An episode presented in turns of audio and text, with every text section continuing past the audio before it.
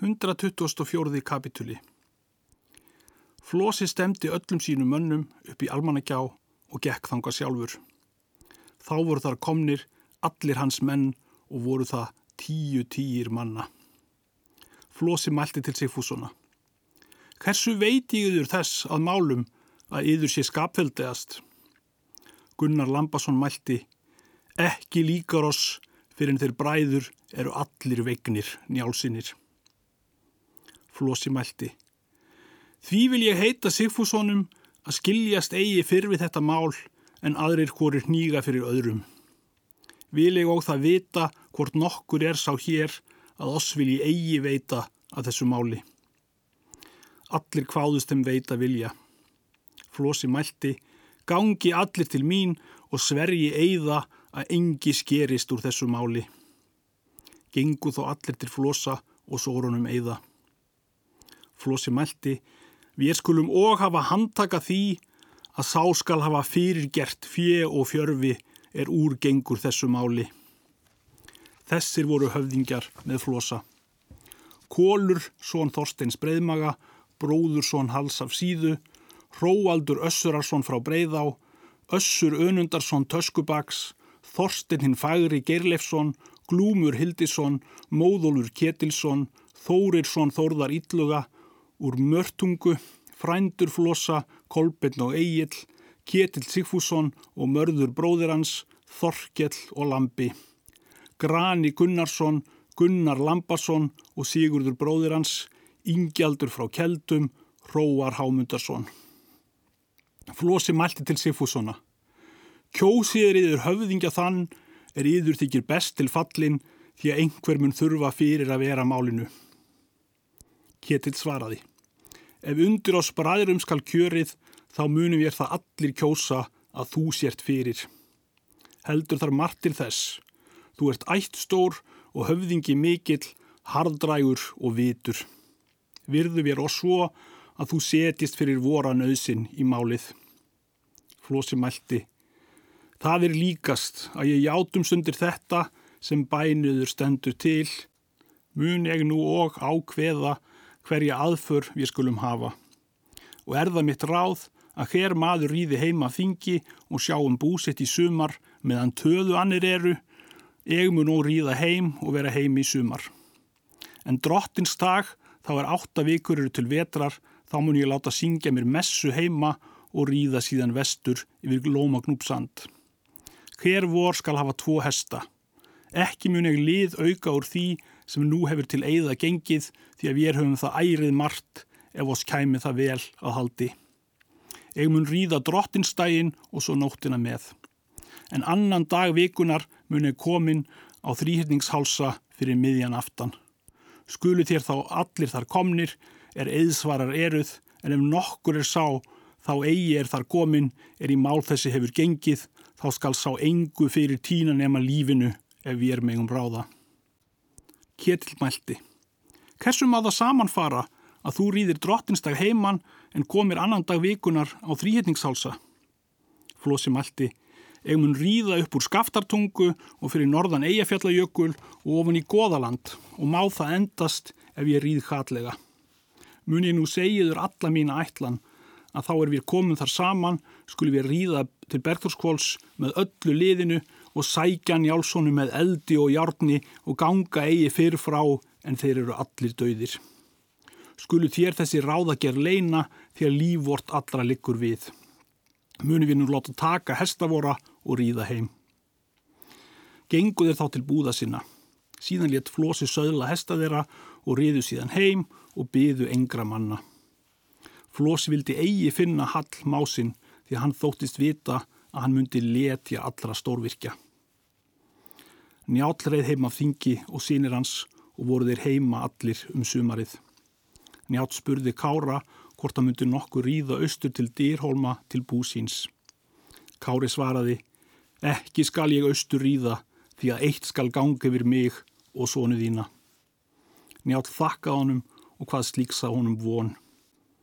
Þar var jafnan nær hálfum þriðja tíi vígra karla með húskörlum. Það var einhverju sinni að róðinni Höskuldsdóttir kom til kjaldna. Ingjaldur bróðirinnar fagnaði henni vel. Hún tók ekki kveðjunni en baðan þó útganga með sér. Hann gerði svo að hann gekk út með henni, þau gengur gardi bæði saman. Síðan þreif hún til hans og settust þau niður. Hún mælti, er það satt að þú hefur svarið eið að fara að njáli og sónum hans og drepa þá? Hann svaraði, satt er það. All mikill nýðingur ertu, segir hún, þar sem njál hefur þig þrís var leist úr skói. Svo er nú þó komið, segir hann, að líf mitt liggur við ef ég gera ég þetta. Egi mun það, segir hún, lifa myndu alltaf einu og heita þá góður maður ef þú svíkur þann eigi er þú átt besta launa. Hún tók þá línhúfu úr pussi sínum alblóðuga og rauvóta og mælti. Þessa húfu hafði höskuldur Njálsson á höfði sér, þá er þeir vóan. Þykir mér þér því verð sama að veita þeim er þaðan standa að. Hann svarar, svo mun og fara að ég mun eigi verið í mót njáli hvað sem á bakkemur, en þó veit ég að þeir mun að mér snúa vandraðum. Hún mælti, þú mátt nú mikið liðgera njáli og segja honum ráðagerð þeirra. Það mun ég eigi gera, segir Ingjaldur, því að þá er meg hvers mann snýðingur ef ég segi það er þið trúðu mér til. En það er karlmannlegt bragð að skiljast við þetta mál er maður veit hemdar von. En segðu það njáli og sonum hans að hans í þetta sumar allt var um sig og hafi mannmart því að það er honum hilræði. Síðan fór hún til Berðurskvóls og sagði njáli þessa viðræðu alla. Njál þakkaðinni og hvað hann hafa vel gjört. Því að honu myndi helst miskerði að vera á móti mér allra manna. Hún fór þá heim en Njál sagði þetta sónum sínum. Kerling var svo einn að Bergþórskóli er sæjun hétt. Hún var fróðað mörgu og framsýn en þá var hún gömul mjög og kölluðu Njálsinn er hana gamal æra er hún mælti margt en þó gekk það margt eftir. Það var einn dag að hún þreif lurk í hönd sér og gekk upp um hús að arfasátu einni. Hún laust arfasátuna og bað hana aldrei þrýfast svo veslug sem hún var. Skarpiðin hlóað og spurði hví hún amaðist við arfasátuna. Kerling mælti. Þessi arfasáta mun tekin og kveiktur við eldur þá er njál, er inni brendur og bergþóra fóstra mín og berið þér hana á vatn, segir hún, eða brennið hana sem skjótast. Egi munum er það gera, segir skarpiðin, því að fást mun anna til eldkveikna þó að hún sé eigi ef þess verður auðið. Kerling klifaði allt sumarið um arfasátuna að innskildi bera en þó fórst það ávalt fyrir. 125. kapituli Að reykjum á skeiðum bjó Runolfur Þorstinsson. Hildiglúmur hétt sonans. Hann gekk út drottins nótt þá er tólv vikur voru til vetrar. Hann heyrði brest mikinn og þótt honum skjálfa bæði jörð og heiminn. Síðan leita hann í vesturættina og þóttist hann sjá ring og eldslit á og í ringinum mann á gráum hesti. Hann bar skjótt yfir og fór hann hart. Hann hafði logandi brand í hendi. Hann reið svo nærunum að hann mátti gjörla sjá hann. Honum síndist hann svartur sem bygg og heyrði að hann hvað vísu með mikill í raust.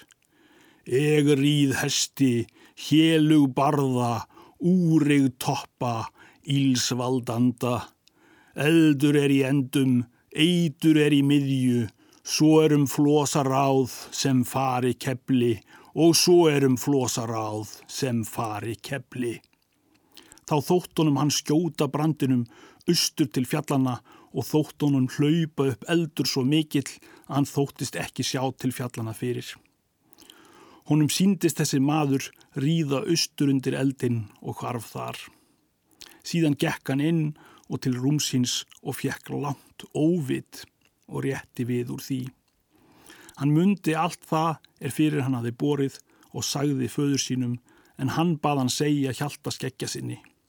Hann fór og sagði honum. Hjalti mælti, þú hefur séð gandreið og er það ávalt fyrir stórtíðindum. 127. kapituli Flósi bjóð sig austan þá er tveir mánuður voru til vetrar og stemdi til sín öllum sínu mönnum þeim er honum höfðu ferð heitið. Hver þeirra hafði tvo hesta og góð vopn. Þeir komu allir til Svínafells og voru þar um nóttina. Flósi létt snemma veita sér tíðir drottinstægin, síðan gekk hann til borðs. Hann sagði fyrir öllum heimamunum sínum hvað Kerki skildi starfa meðan hann var í brautu, síðan gekk hann til hesta sinna. Þeir Flósi ríðu vestur á sand. Flósi bað þá fyrst ekki all ákaft ríða, hvað þó hinn veg ljúka mundu. Hann mælti að allir skildu býða ef nokkur þyrst að dveljast. Þeir ríðu vestu til skóakerfis og komi í kirkjubæ og bað Flósi alla menn koma til kirkju og byggjast fyrir. Menn gerðu svo. Síðan stígu þeir á hesta sína og ríðu upp á fjall og svo til fiskivatna og ríðu nokkur fyrir vestan vötnin og stemdu svo vestur á sandin. Létu þeir þá eiga fjallajökul á vinstri hönd. Og svo ofan í goðaland og svo til markarfljóts og komum nón skeið annan dag viku á þrýhetningshálsa og byðu þar til miðs aftans. Komu þar þá allir nema ingjaldur frá keldum og töldu sigfúsinir á hann mjög en Flósi bað þá ekki ámæla ingjaldi meðan hann var eigi hjá en þó skuli við er gjaldunum síðar. 127. kapituli Nú er það til máls að taka að Bergþórskóli, að þeir grímur og helgi fóru til hóla, þar voru þeim fóstruð börn og sögðu föður sínum að þeir myndu ekki heim um kveldið. Þeir voru í hólum allan daginn. Þar komu konur fátakar og hvaðust komið hafa aðalánt. Þeir spurðu þær tíðinda Þær kváðust engi segja kunnu tíðindi en segja þó nýlundu nokkra. Þeir spurðu hverja nýlundu þar segðu og báðu þær eigi leina. Þær sögðu að svo skildi vera. Við komum að ofan úr fljótslíð og sáum við Sigfússon ríða alla með alvæpni og stemduður upp á þrýhettingshálsa og voru 15 í flokki. Við sáum og Grana Gunnarsson og Gunnar Lambasson og voru þeir fimm saman og riðu allir eina leið. Og kalla má að nú sé allt á för og á flaug. Helgin Jálsson mælti. Þá mun flosi komin austan og munu þeir allir komni til mótsviðan og skulu við grímur vera þar sem skarpiðin er. Grímur segir að svo skildi vera, fóru þeir þá heim. Nú er til máls að taka að Bergþórskóli að Bergþóra mælti til hjóna sinna. Nú skuli þér kjósiður mat í kveld að hér hafi það er mest físir til því að þennan aftan mun ég bera síðast mat fyrir hjón mín. Það skildi eigi vera, segja þeir hjá voru. Það mun þó framkoma, segir hún, og má ég þó segja miklu fleira ef ég vil og munna til marka að þeir grímur og helgi munu heimkomi í kveld áður menn eru mettir og ef þetta gengur eftir þá mun svo fara annað sem ég segi. Síðan bar hún mataborð. Njálf mælti. Undarlega sínist mér nú. Ég þykjum sjá um alla stofuna og þykji mér sem undan sé gablvekkirnir báðir en blóðugt allt borðið og maturinn.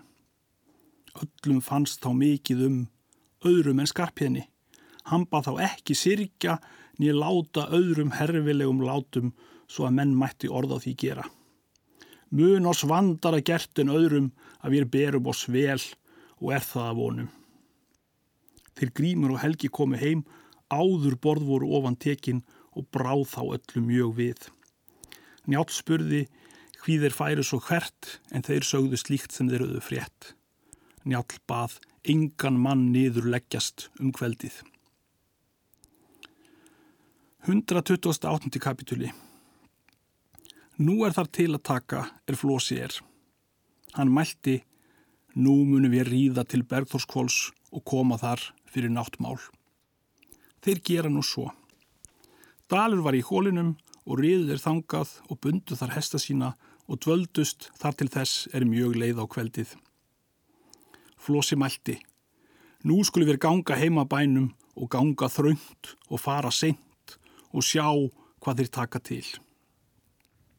Njál stóð úti og sínir hans og kári og allir heimamenn og skipuðist fyrir á hlaðinu og var það nær þrem tígu manna. Flósin am staðar og mælti. Nú skulum við aðhyggja hvað þeir taka til ráðs því að mér líst svo ef þeir standa úti fyrir sem við munum þá aldrei sótt að geta.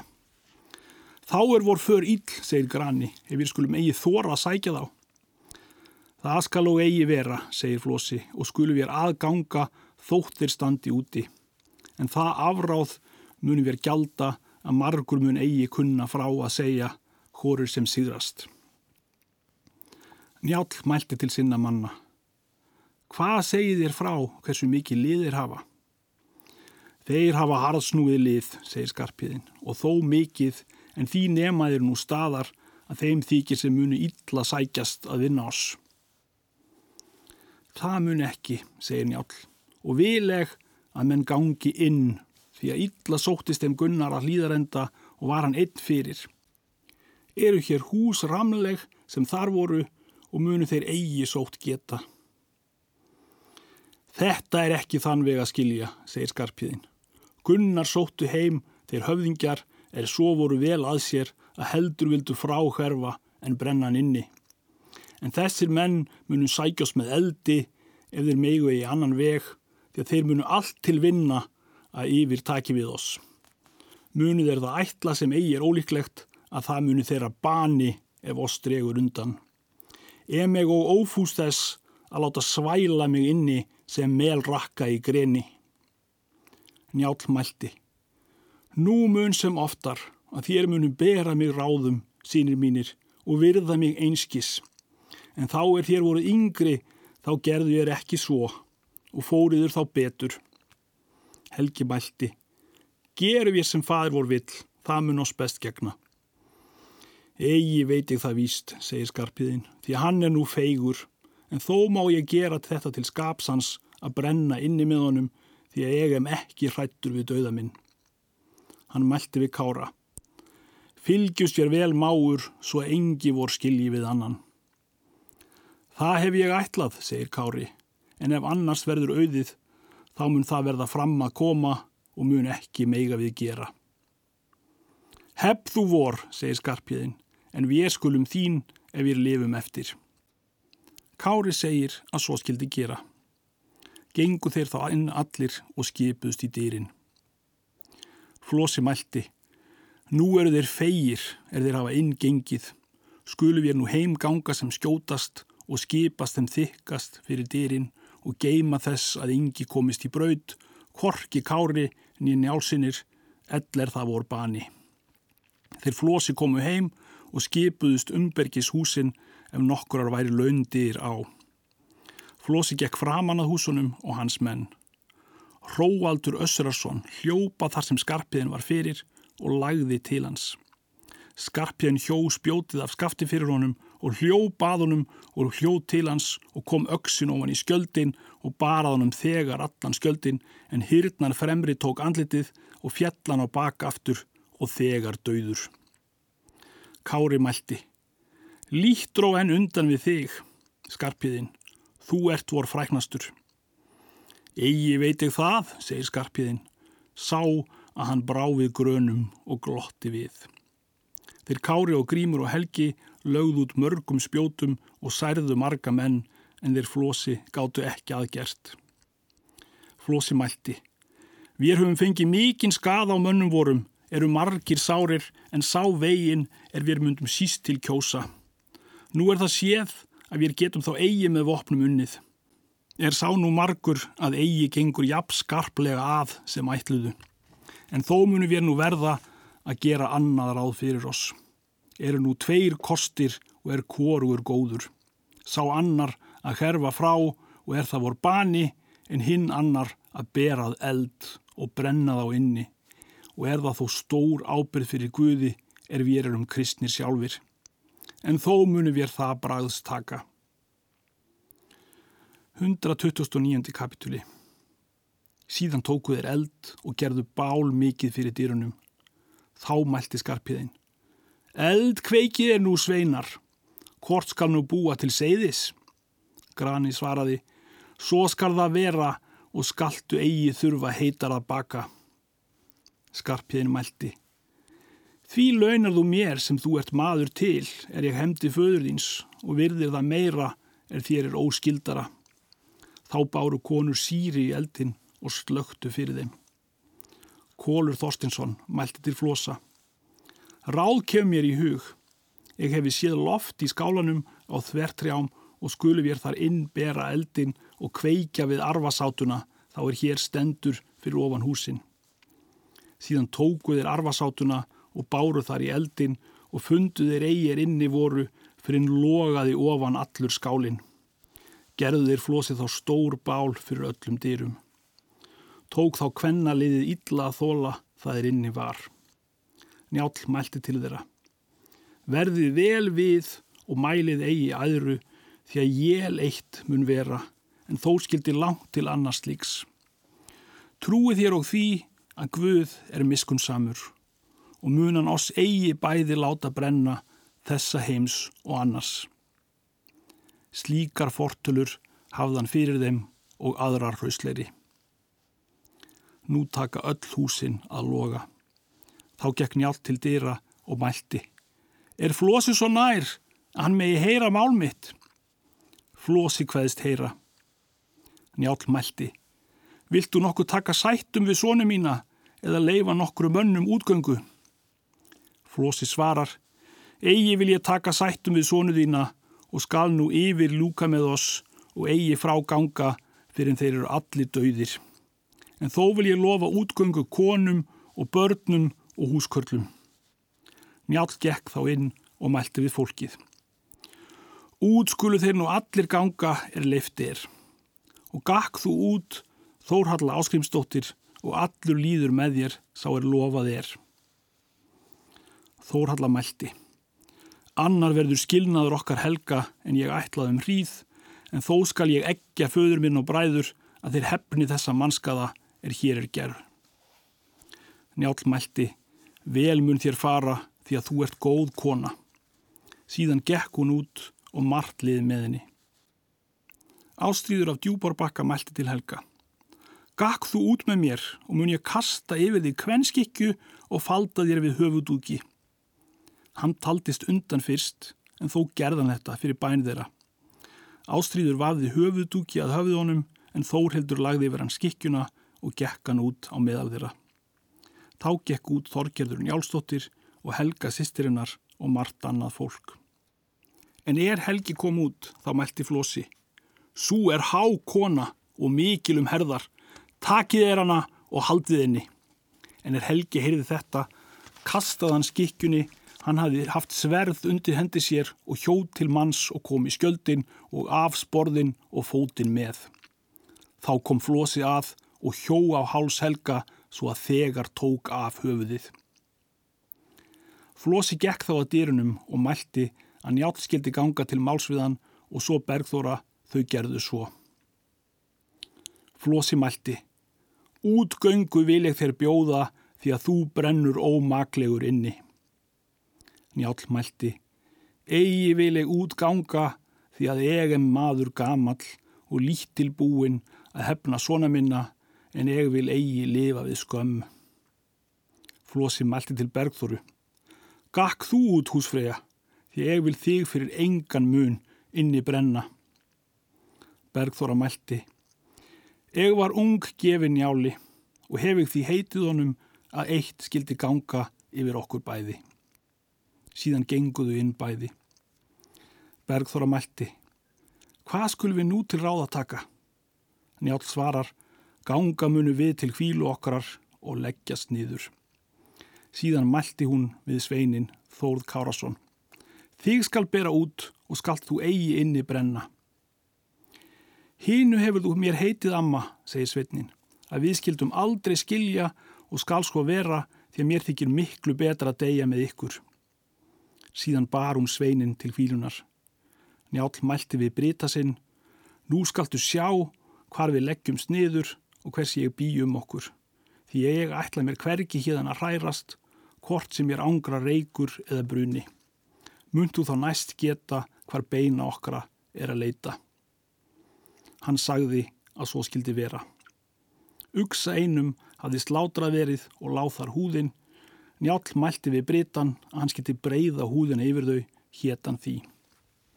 Þau leggjast niður bæði í rúmið og lögðu sveinin í millum sín, þá syngduðu sig bæði og sveinin og fálu önd sína guði og hendi og mæltu það síðast svo að menn heyrði.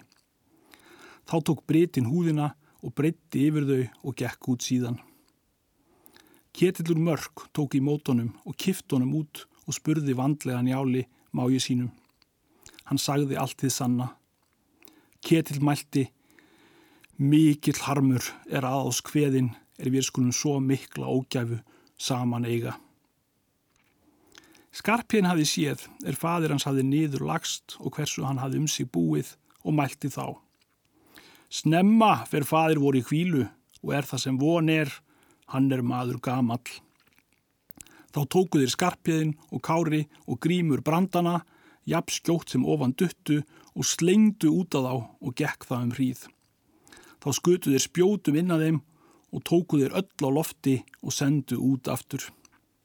Flósi bað á hætt að skjóta því á oss munu öll vopna skiptinga þungt ganga við á. Megum þér vel býða þess er eldurinn vinnur þá.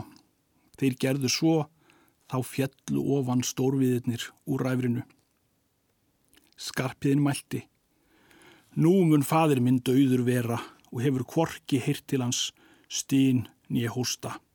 Síðan gengu þeir í skálaendan, þar var fallið ofan þvertrið og var brunnið mjög í miðju. Kári mælti til skarpiðins. Hlaup þú hér út og munið beina að með þér, en ég mun hlaupa þegar eftir og munum við báðir í braud komast ef við breytum svo því að hinga leggur allan reikin. Skarpiðin mælti. Þú skal hlaupa fyrri en eigmun þegar eftir. Ekki er það ráð, segir Kári, því eigmun komast annar staðar þótt hér gangi eigi. Egi vil ekki það, segir Skarpiðin. Hlaup þú út fyrri en eigmun þegar á hæla þér. Kári mælti. Það er herjum manni bóðið að leita sér lífs og skal ég svo gera. En þó mun nú svo skilnaður með okkur verða að við munum aldrei sjást síðan Ef ég hleyp út úr eldinum þá mun ég eigi hafa skap til að hlaupa inn aftur til þín í eldin og mun þá sína leið fara hvort okkar. Skarpiðin mælti. Það hlægir mig ef þú kemst á braut máur að þú munt hefna vor. Þá tók Kári eitt stokk loganda í hönd sér og hleypur út eftir þvertrinu, slöngvir þá stokkinum út af þekjunni og fellur hann ofan að þeim er úti voru fyrir. Þeir hljópu þá undan þá loguðu klæðin öll á kára og svo hárið. Hann steipir sér út af þekjunni og stiklar þá með reiknum. Þá mælti maðurinn er út í var. Hvort hljóp þar maður út af þekjunni? Fjarrri fór það, segir annar, og kastaði skarpiðin þar eldistokkjað oss. Síðan grunuðir ekki. Kári hljóp til þess að hann kom að lækeinum og kastaði sér í ofan og slögt í sér eldin. Þaðan hljópan með reiknum í gróf nokkra og kvíldi sig og er það síðan kölluð Kára gróf.